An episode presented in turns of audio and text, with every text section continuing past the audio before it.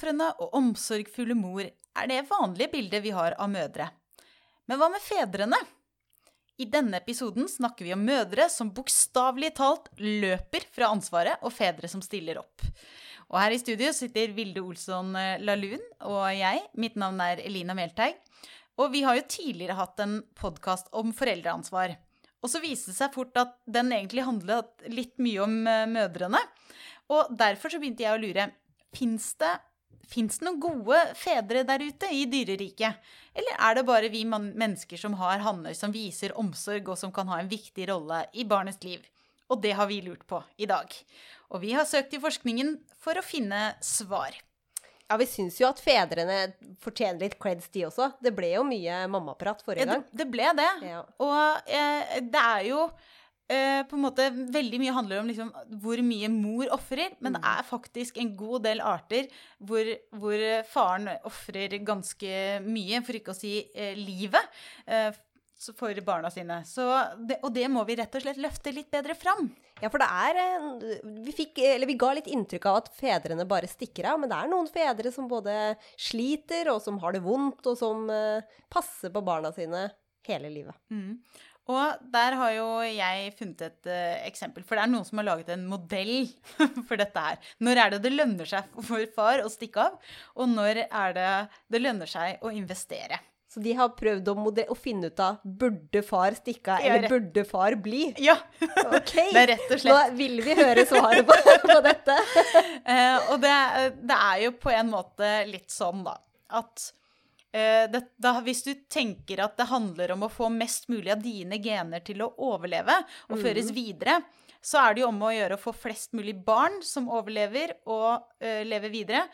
Og det gjelder jo både hanner og hunder, så det er en slags konkurranse mellom hannene og hundene om å få flest mulig av sine gener videre. ikke sant? Og så må de samarbeide om det. Ja, fordi for, hvis du har en hann og en hund, så deler de jo på genene som flyter videre, eller som ja. Nettopp.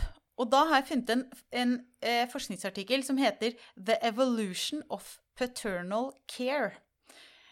Evolusjon av farsrollen, liksom? Ja. Eller farsomsorg. Ja. Og eh, dette er jo bare en modell, mm. så den er ikke nødvendigvis eh, testet. Eh, men, eh, men, eh, den sier noe om Da de har de på en måte laget falske populasjoner, og så har de laget noen regler for interaksjon mellom kjønnene. Og noen, noen regler for for eh, på en måte hvor mange, hva som lønner seg, da, hva slags interaksjoner som mm. lønner seg, og hvordan denne populasjonen vokser. Hvilke interaksjoner uh, er det som gjør at populasjonen vokser? Men er det spesifik, en spesifikk art, eller er det liksom for alle? Eller er det en tilfeldig art, eller en hypotetisk art, eller? Ja, dette er en litt hypotetisk art, ja. uh, fordi at den, den fins på en måte ikke. Det er, en, det er, rett og slett en modell for å se på hva er det som på en måte, hvilke, hvilke elementer i interaksjonen mellom kjønnene er det som gjør at farsomsorg utvikler seg. Ja. Mm. Uh, og jeg tror nok kanskje primater er en slags uh, grunnbase for dette. Men, de, men, prinsippene er det samme for alle arter som opererer med to kjønn. Ja. Og okay. det må også mm. sies at det er litt to kjønn med litt ulik investering i avkommet, da. Ja. Hvis du tenker at det er en større investering i avkommet, eh, altså en større oppofring i det der å liksom få barnet og ha barnet i deg og liksom legge egg og den, den Det er en kostnad. Ja. Eh, det er det jo ofte. Man det, sier jo ofte ja. at det, det, er jo mye energi som skal ut av en hund for å produsere dette barnet. Så, eh, så, det er på en måte det de har sett på. Mm. Eh, for, for, og hva er det, når er det det lønner seg med farsomsorg og ikke, osv. Og, så videre, og hvilke, hvilke eh, interaksjoner er det som gjør at dette her er en, en evolusjonær driver? ikke sant? Hva, hva driver farsomsorg genet, på en måte, eller hva driver, ja. hva driver mot det? Ja. Å utvikle farsomsorg. For, For, de ser at det blir mer og mer farsomsorg i, eh, i evolusjonens ja. perspektiv, liksom. Og så er det jo sånn at når du lager en modell, så kan du jo se hvilke Du kan jo leke litt med de modellene, litt sånn som The Sims, ikke sant? Så kan du se hva er det som gjør at disse populasjonene går til grunne også. Hvilke elementer er det? Um, uh, så sitter forskerne der og liksom lager noen små populasjoner, sine Sims-populasjoner. Det dataspillet hvor du liksom kan leke rundt ja. med sånn lite dukkhus, og så kan de se hva, hva som skjer. Mm. Og hva fant de ut av?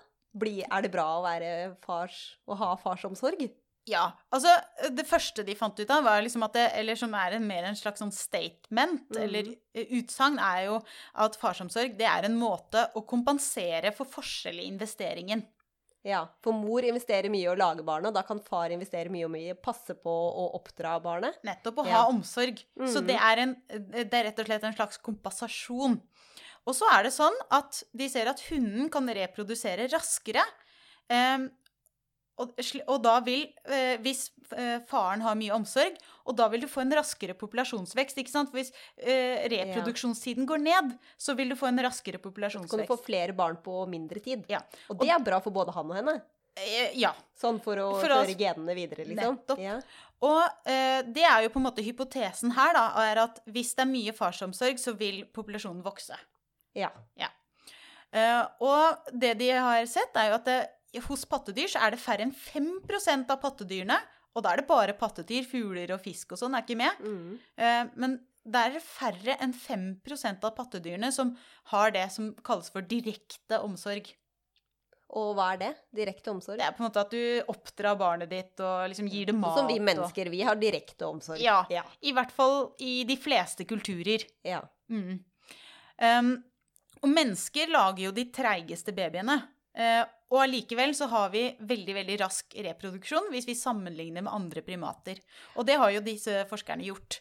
Så bare sånn som en sånn der grunnelement i introduksjonen sin, så ser de at det, ok, hos en hund, gorillahund så går det fire år mellom hvert barn. Og da er jo hannen har jo et sånt harem, så der hver hund passer på sitt barn, og så er hannen en eller annen sånn perifer eh, eh, svær eh, Som løper rundt og koser seg. Ja, og så jager bort de andre hannene, Ja, da. selvfølgelig. Ja. Ja, Mm. Altså det er fire år mellom hver gorilla-baby. baby. I snitt. Mm. Og hos sjimpanser er det 5,5 år. Ja. Og så hos orangutanger, som er alenemødre, der er det åtte år. Oi. Sju til åtte år. Og hos mennesker som ikke lever i moderne samfunn, men i liksom tradisjonelle jeger-samlersamfunn, Ja. så går det 3,5 år. Så vi har jo Ja. veldig rask reproduksjon Ja. i forhold til Mm. eh, andre primater. Og det, er, det tror de at kanskje er fordi at det er farsomsorg med i bildet. Ja.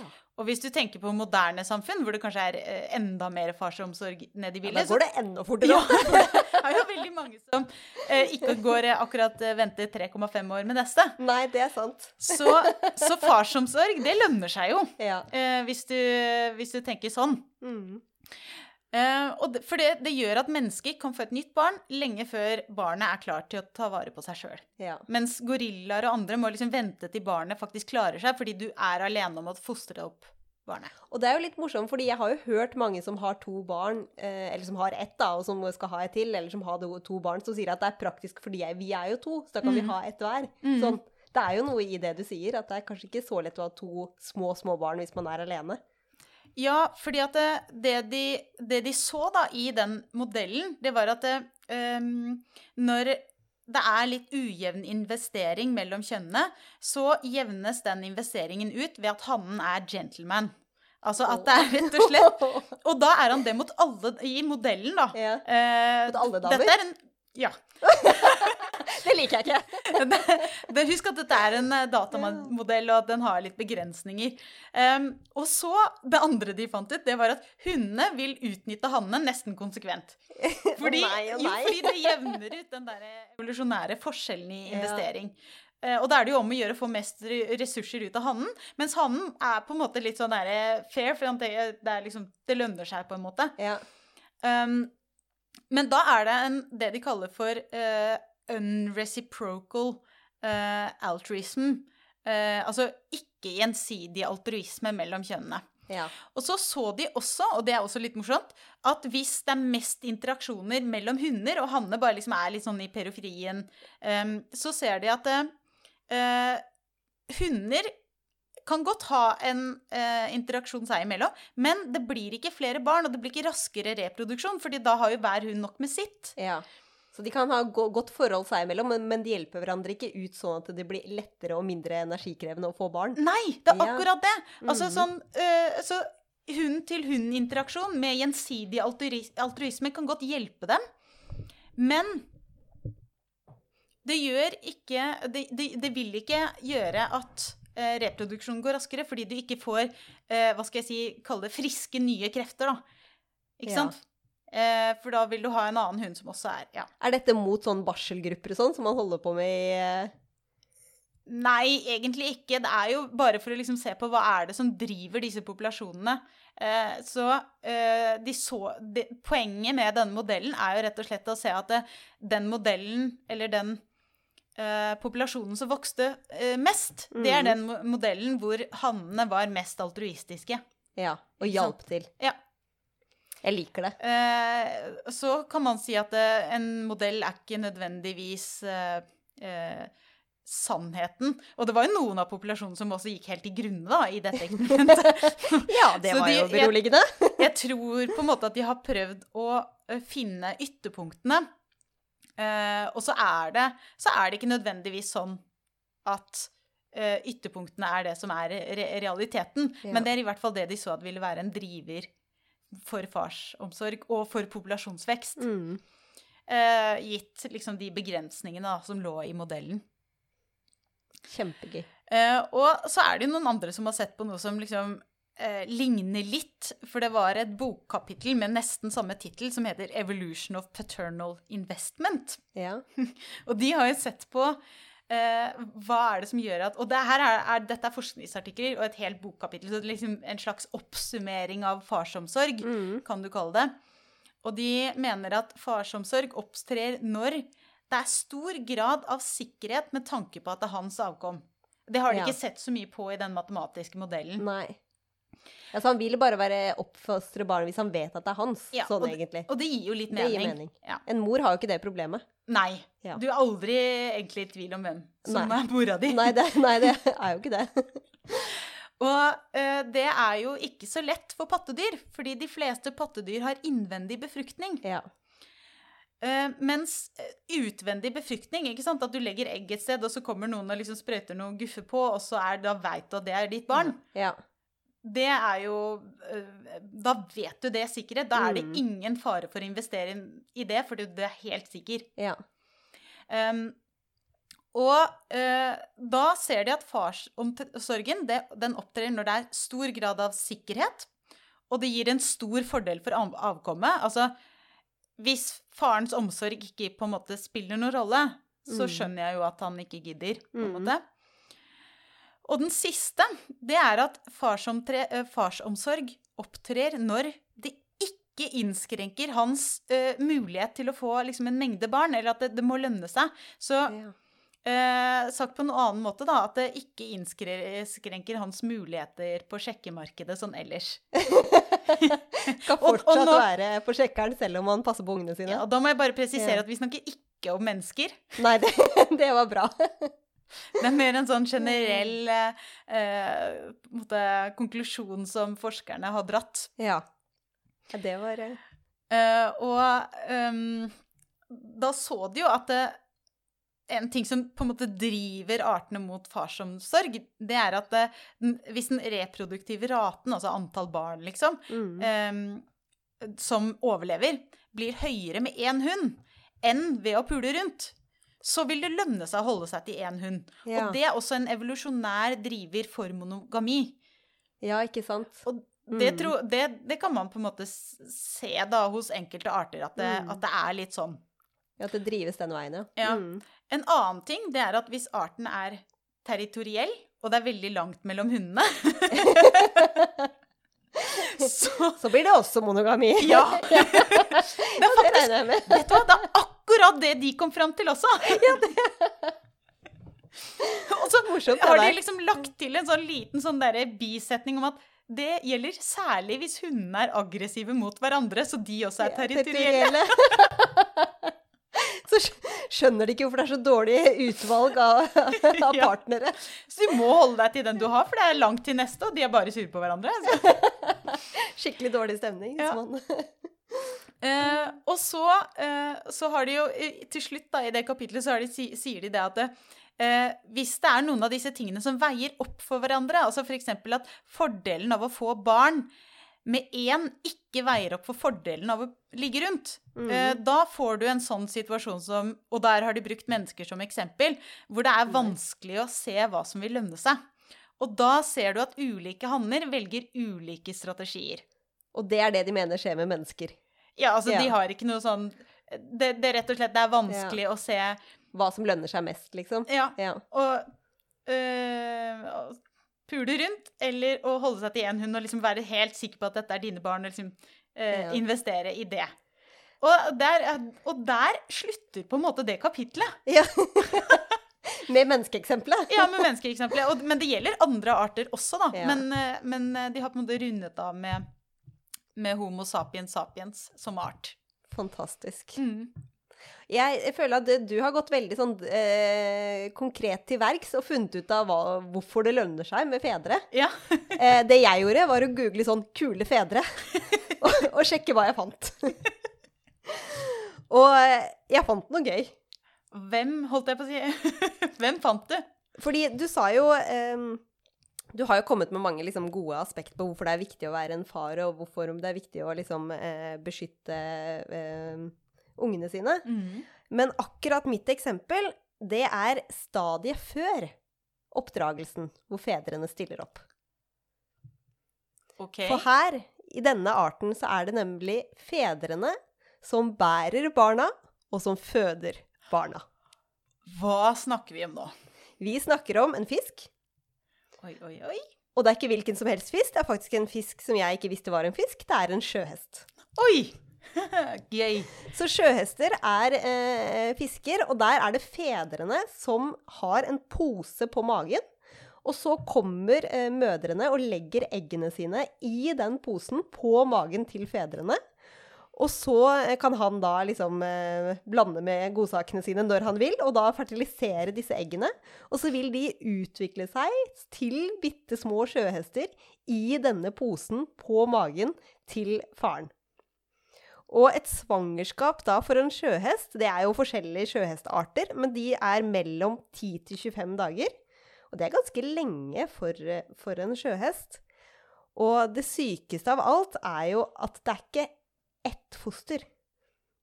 Det kan være få, det kan være 10-20, men ofte så er det opp mot tusenvis oh. av bitte, bitte små sjøhester som da ligger inni eh, magen til denne faren, og som utvikler seg, og som han må føde. Oi. For eh, sjøhestfedrene tar jobben med å føde disse barna. Og det skjer ved også litt sånn muskelkontraksjoner, eller litt sånn, men han må egentlig spytte ut ett og ett lite barn i da en fødsel. Så han føder ett og ett barn da eh, fra magen sin og ut til eh, den lille verden. Jeg ser for meg en slags sånn der, Nesten sånn kenguruaktig pose hvor han liksom legger har eggene oppi der og liksom klemmer de ut. Ja, jeg klarte ikke helt å finne ut av hvordan det, hvordan det foregikk, men det så ut som at det var ikke veldig behagelig å være en fødende sjøhestmann. Um, og teorien bak hvorfor det er liksom eh, fedrene som har fått den oppgaven med å være gravide og, og føde, er jo nettopp litt det du var inne på, at man skal fordele ansvaret og fordele energien man bruker på eh, barna sine. Da. Så disse sjøhestmødrene de bruker visstnok veldig, veldig mye energi på å lage egg. Det tar masse tid og masse energi på å lage alle disse eggene. Og hvis det i tillegg var de som liksom skulle bære fram barna og føde dem, så hadde det blitt veldig mange færre muligheter eller mengder Da- graviditeter, da. Da hadde måte. den populasjonen gått under i modellen. Det, da hadde populasjonen i modellen gått under, ja. Så Og i er- stedet for liksom ta, å dele på omsorgen i ettertid, så deler de på liksom laginga av barnet. Men det gir, bokstavelig talt. det gir jo også mening i det at her er jo faren helt 100% sikker på at det er hans. Ja. Det gir veldig mening med det du sier. Ja. For da får jo han eggene i den posen sin, og da vet han at all energien han bruker på å liksom oppfølge lage disse barna, det er jo hans. Og da gir, Ja. da gir investeringen mening. Da Mhm. gir farsomsorgen 100% mening. Ja. Det som ikke gir så mening, som jeg syns egentlig var litt synd, var at sjøhester har ikke noe omsorg for barna sine etter at de er født. Så det betyr at de føder barna sine, og så må de klare seg selv, disse sjøhestbarna, eller babyene. Og de spiser visstnok veldig mye og er veldig sånn kravstore. Så alle, alle, alle, alle De aller fleste dør. Ja. Det er i gjennomsnitt, jeg tror jeg leste at det var fem av tusen sjøhester som liksom blir voksne. Så den investeringen er kanskje Altså Jeg ser for meg han faren som stakkars nettopp har født liksom 1000 barn, og så er det bare fem som overlever. Uff, Det må jo være Ja. stakkars mann. Det er det. Ja. Og så eh, er det veldig tydelig at de har jo et forhold, da, denne moren og faren. Og eh, moren under svangerskapet til, eh, til faren, så er hun innom og sjekker at alt er i orden. For fem til ti minutter hver dag. Så kommer hun liksom inn og ser på mannen og ser at utviklinga av barna går som den skal, og så drar hun igjen. For jeg tror ikke hun gidder å være der. Det er liksom Skjønner jeg, men hun passer på litt. Men hun passer på litt, ja. Jeg ser for meg, jeg skjønner hvem som liksom er sjefen i det forholdet, da. Når hun kommer innom i sånn fem-ti minutter og passer på. Åh, herlig. Ja, så det eh, Det syns jeg var eh, fedre som liksom step up the game, stiller opp og tar en del av den vanskelige jobben fra mødrene. Rett og slett tar eh, ansvar for hele fødinga. Ta ansvar for hele fødinga og faktisk å lage disse, eller å ha disse barna utviklende inni seg, da. Inni posen på magen. Smart. Mm. Jeg har, jeg har også et eksempel med en veldig flott hann som tar ansvar. Det er en stornandu. Har du hørt om storenandun før? Eh, nei, det må jeg helt være ærlig på. Det har jeg ikke. Nei, jeg hadde heller ikke hørt om storenandun. Men det er på en måte en eh, strutselignende fugl. Ja. Eh, den ser ut som en struts, men den bor altså i Sør-Amerika. Eh, så Og den, den har en veldig sånn li, ligner på en måte strutsen og emuen. Mm. ja. Um, og der er det også sånn at det koster hunden veldig, veldig mye energi å legge eggene. Mm. Så da er det vel bare rettferdig, da, at det, det er hannen som tar seg av resten. Passe på etterpå, liksom? Ja. ja. Eh, men det koster hannen ganske mye energi også. For det er faktisk, det, og det er så energikrevende at det, eh, hver, hver sesong Mm. så er det bare 20% av hannene som går i gang med paring. Fordi det, de orker ikke. Er det sant? Altså, de må på en måte se an ressursene sine. Så, Nei, ikke i år, altså. Jeg er litt sliten i år. Ja, akkurat sånn. Fordi de går ned så vanvittig mye i vekt. Eh, og vekttapet er ganske tilsvarende det de ser hos emun, som er en ganske tilsvarende art. Mm. Og den har også en tilsvarende paringsstrategi, så det gjelder for så vidt litt eh, for den også. Og der mister hannen 7 kilo, og det er 17-20% av kroppsvekten. Så av å passe på barna sine, så mister de 17-20% av kroppsvekta si. Ja. Og da den slankekuren, da. Det er jo det, og det sier seg selv da, at du, du må være ganske klar. Ja. Du må liksom ha ressursene på plass for å orke Mm. å sette i gang. Jeg orker ikke det paregreiene i år, altså. Nei, det er slitsomt. Ikke sant? Eh, og hos kiwifuglen så mister hannen 23% av kroppsvekten. Enda der samarbeider jo hunden og hannen på Ja. å ta vare på eh, egget sitt. Og hunden mister hun Eh, det sto det faktisk ikke noe Det her er Hanne de har fokusert på her. Å, jeg liker det. Det er koselig. Det fortjener. Det fortjener mennene. Ja, i hvert fall med en sånn innsats som Ja. de har her. Men gir de altså energi fra seg selv, eller er det bare det at de ikke har tid til å spise selv? Er det derfor de Hvorfor blir de liksom eh, Jeg tror det er det. Og så gir de kanskje maten som er da, til barna, Ja. eh, rett og slett. mm. Fordi når paringssesongen starter, så er det veldig konkurranse mellom de hannene som da vil sette i gang med dette. Ja. Eh, de, de lager seg et rede først. Og så eh, er det konkurranse mellom dem, og så får de seg et lite harem på et sånn fem til sju hunder. Eh, og da har han seg med dem sånn omtrent annenhver dag, for det er ca. så lang tid det tar for hunden å legge et egg. Så han får mer enn ett barn, ja? Ja, ja. Ja da, han får masse barn. Og så, Så eh, skal passe på alle sammen? Yes. Og da er det sånn at hunden legger egg i 10-12 dager. Eh, og hun kan jo finne på å gå videre til en annen han, så hun legger bare et par egg hos han. Men greia er jo at da er det eh, Han vet at det er hans barn, fordi hvis han har seg med henne, og hun er i nærheten av han så, og legger et egg i løpet av Ja, så er det hans egg, det vet Ja, han, liksom. Ikke ja. sant? Mm. Det er sånn, det er to, hun har vært der hele veien, det er to dager siden sist, og nå legger hun et egg. Da er det Ja. mitt egg. Det er min unge. Så det er litt sånn det foregår. Uh, og så passer han på Da klekker jo ikke de akkurat samtidig, men de klekker i en periode på 42 dager, og da er det han som på en måte passer på de, de eggene. Og så tar han vare på kyllingene som er igjen, og det er fire til seks måneder, så passer han på de kyllingene til de er klare til å ta. Hvor mange kyllinger kan han ha? Det sto det ikke noe om. men Hvis det er 57 hunder, og hver av dem legger egg i, i 10-12 dager, og annenhver dag cirka, så er det seks egg per hund, da. Og så ganger du med maks sju, da er vi oppe i 35. Det er jo en ganske stor flokk. Jeg vil tro at Så kanskje han skal, da skjønner jeg at han går ned 17 kilo, eller hva det var. 17 7 kilo, eh, men 17 til 20 Ja. Men jeg tror det er en slags maks, da. Eh, ja. Og det var dedikert far. Ja, og det er faktisk bare, det står det liksom i den artikkelen også, at det er bare 1% av fuglene hvor det er hannen som tar vare på eggene og kyllingene. Det, er, Ja. det vanlige er at de deler på det. Ok, ja. Mens her stikker moren fullstendig av og ikke Ja. og gir. Og så kan du se for deg at dette er jo en sånn strutselignende fugl. Altså jeg ser for meg at hun liksom legger egget sitt, og så bare! Og så, og så går det ganske fort. Så løper hun sin vei. Med den lille strutsete kroppen sin og den lange, lange halsen. Men de og- flotte, slanke beina sine, ikke sant? Ha det! Nå bare løper jeg til neste bane. Og så sitter han der med redet sitt og bare Hun løp fort. Men jeg liker det. Det er sikkert han på sånn tre måneder uti der, så tenker han jeg, jeg ville dette. Jeg, det var jeg som sa ja. Jeg angrer skikkelig.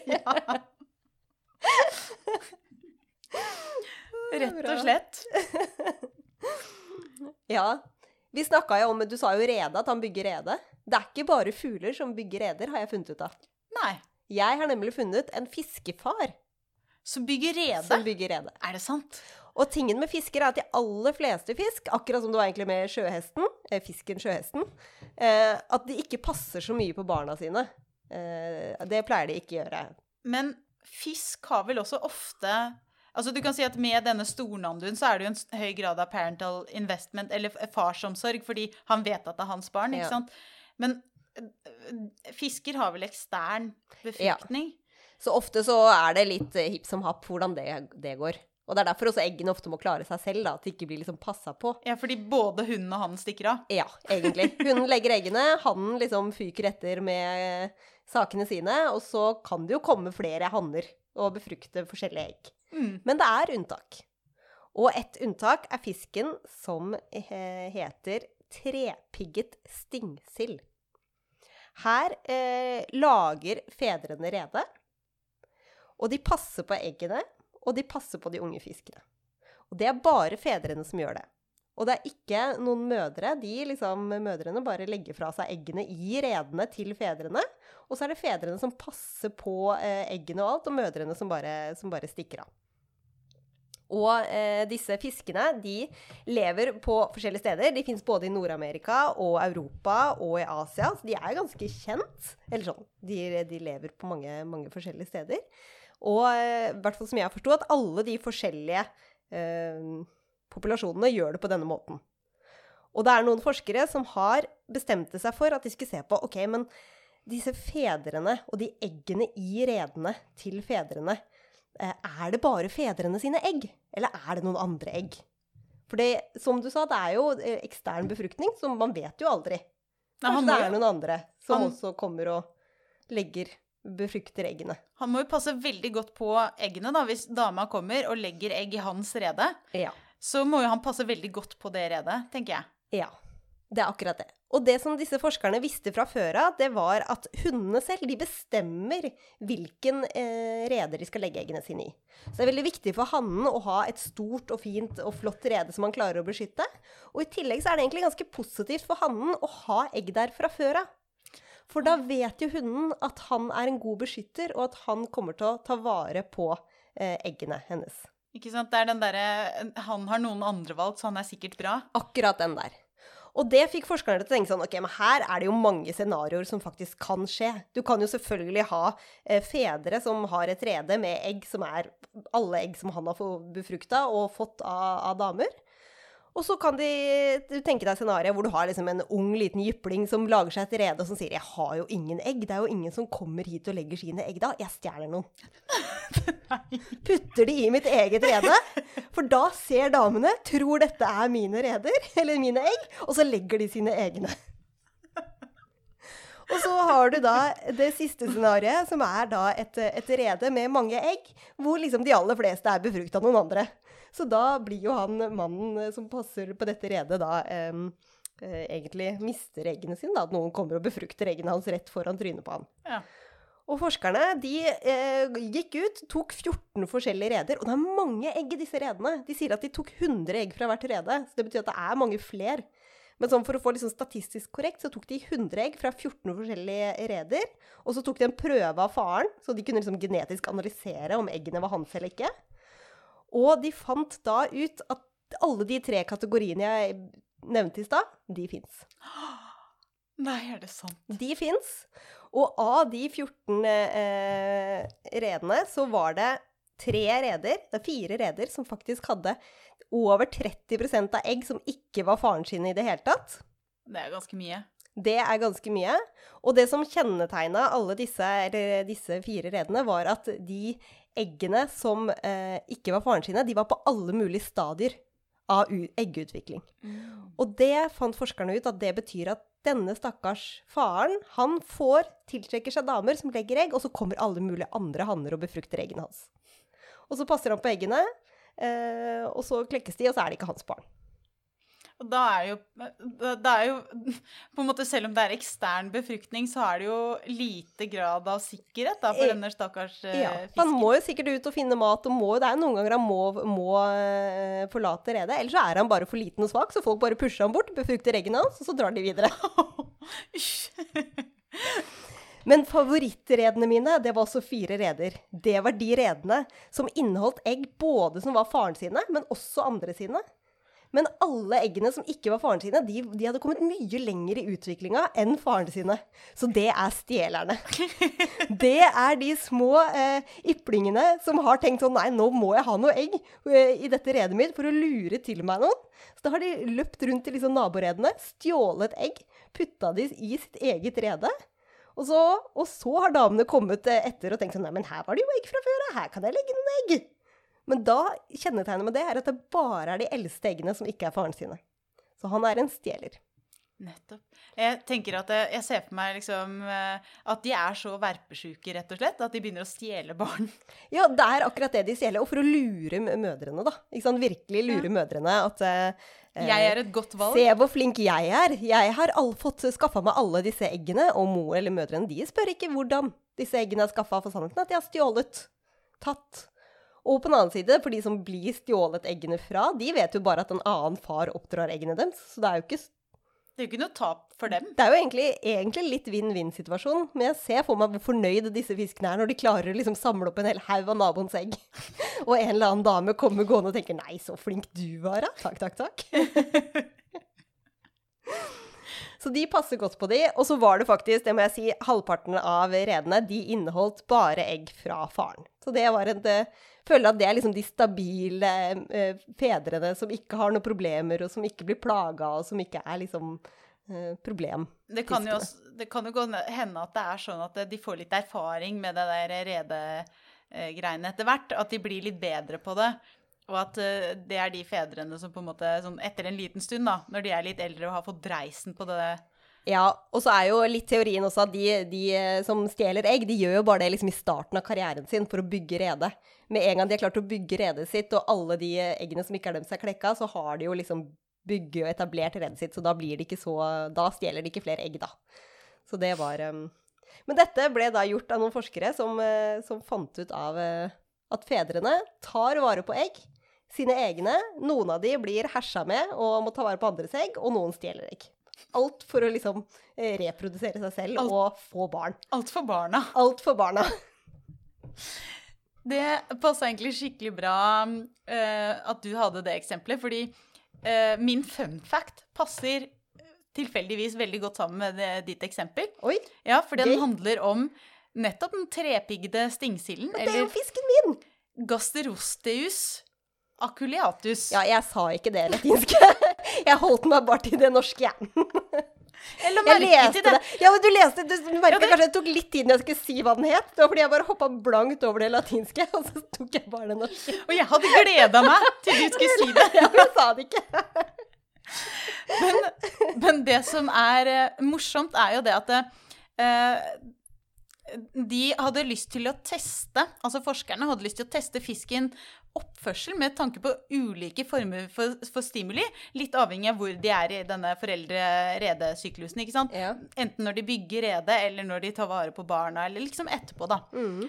Og da fant de et gen som uttrykkes hele veien i foreldreløpet fra territoriet og redebygging til å ta vare på eggene og yngelen. Et gen Eh, som alltid er på, liksom? Ja, et Ja. gen som rett og slett blir skrudd på. Og så så de også at fisken slutter å uttrykke det genet når yngelen er blitt voksen. Ok, Skrur det av når barna stikker av. Ja. Så Ja. det betyr at du har rett og slett Hos denne eh, trepiggede stingsilden så har du rett og slett et foreldregen hos hannen. Så kult. Og så så de på hva, hvor er dette genet? Ja. Hva er det det gjør, liksom? Og det de så, var at det blir uttrykt på spesifikke steder i hjernen. Så Nettopp. Så eh, det de mener, er at foreldre Og de, de så at det er enkelte deler av, gen, eh, av hjernen som på en måte blir mer aktiv, da. Når det Når- genet er på, liksom? Ja, når det genet er på, og når han er forelder. Ja. Og som går tilbake til normalen igjen etterpå. Eh, så det de har tenkt å forske videre på, da, for det er liksom bare OK, nå fant vi det genet, og vi, det er en sammenheng her. Mm. Så de skal forske videre på hvordan, hvordan eh, vår hjerne, eller hvordan hjernen blir påvirket av foreldreatferd, og, og på en måte sånn stimuli av typen eh, redebygging og sånne ting. Og det er sikkert eh, Jeg vet ikke hvor langt man kan trekke sånne paralleller, men interessant blir det. Det gleder jeg meg til. Mm. Så utrolig gøy med foreldregen. Og det er jo hos hannen, da. Det må Ja. bare si. at Hundene har jo ikke Men sjekka de om det genet er på eller av i hundene? Det står det faktisk ingenting om. Med tanke på det jeg vet om hva hundene gjør i denne arten, så regner jeg på med at det er av. Ja, Det det vil jeg jeg tro. Ja, det er sant. Ja, vil høre min fun fact? Vi skal tilbake til sjøhestene. Fordi eh, en fødsel er jo ikke en hyggelig opplevelse. Eller det er jo en hyggelig opplevelse, men det er, det er, da er det jo kanskje litt vondt og litt eh, eh, ubehagelig akkurat der og da. Eh, og det er det visstnok for disse sjøhestene også. Men sjøhestfedrene, de kan faktisk få nye egg samme kveld hvis de fødte på morgenen. Så de føder på morgenen, og det er ikke en behagelig affære for dem heller. Og de kan faktisk få nye egg fra eh, moren samme kveld. Og gå i gang med en helt ny syklus. Da er du ivrig. Da er du ivrig. Å, Stakkars mann. ja, ja. Og, og øh, en, en graviditet varer da 10 dager, da. 10-25 dager. Så det blir mye. Mye barn og mye gravid Ja. for disse Disse vet ikke om man kaller det gravid når det er en mann, men Ja, Det minner meg bare om den derre Den gamle filmen med han eh, eh, Arnold Schwarzenegger som heter Junior, hvor han blir gravid. ja. Har du sett den? Nei. Men det jeg lurte på med disse sjøhestene, er rett og slett Er det sånn at det er samme hund og han? Er de liksom monogame, eller hva? Ja, det er et, eh, også gøy du sier. De er veldig monogame. Det er alltid samme hund og han. Og en annen ting som er veldig gøy med de, er at når de først skal bli sammen og bli et par, så har de en sånn helt syk sånn paringsdans som kan vare opptil åtte timer. Hvor de skal danse og bli helt sånn synkrone og gjøre ting helt likt. Og det er visstnok sånn at de skal liksom klare å få eh, eh, bli vant til hverandre, hvordan de beveger seg, sånn at det skal være lett å putte alle eggene i liksom posen, eh, posen til mannen. da. Åh, Så de har åtte timer med liksom perfekt dans. Er det juleballet? Liksom.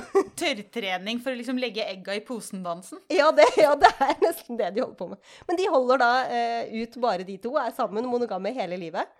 Og det er derfor også hun dama eller moren sjekker på barna da, hvert tiende minutt. Kanskje på, kanskje på faren òg. Sjekker om han har det bra. Ja.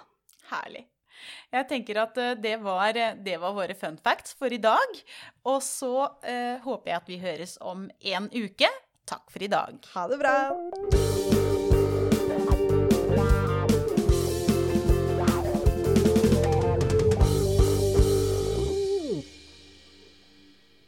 Du har nå hørt Biopodden med Vilde Olsson Lahlun og Elina Melteig.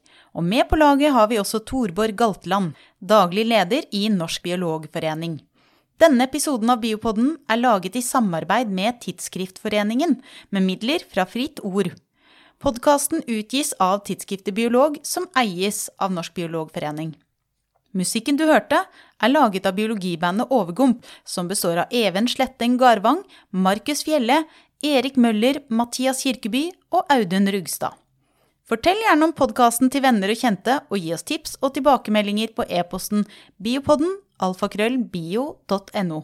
Og hvis du vil støtte oss, så er du hjertelig velkommen som medlem av Norsk biologforening. Vi høres!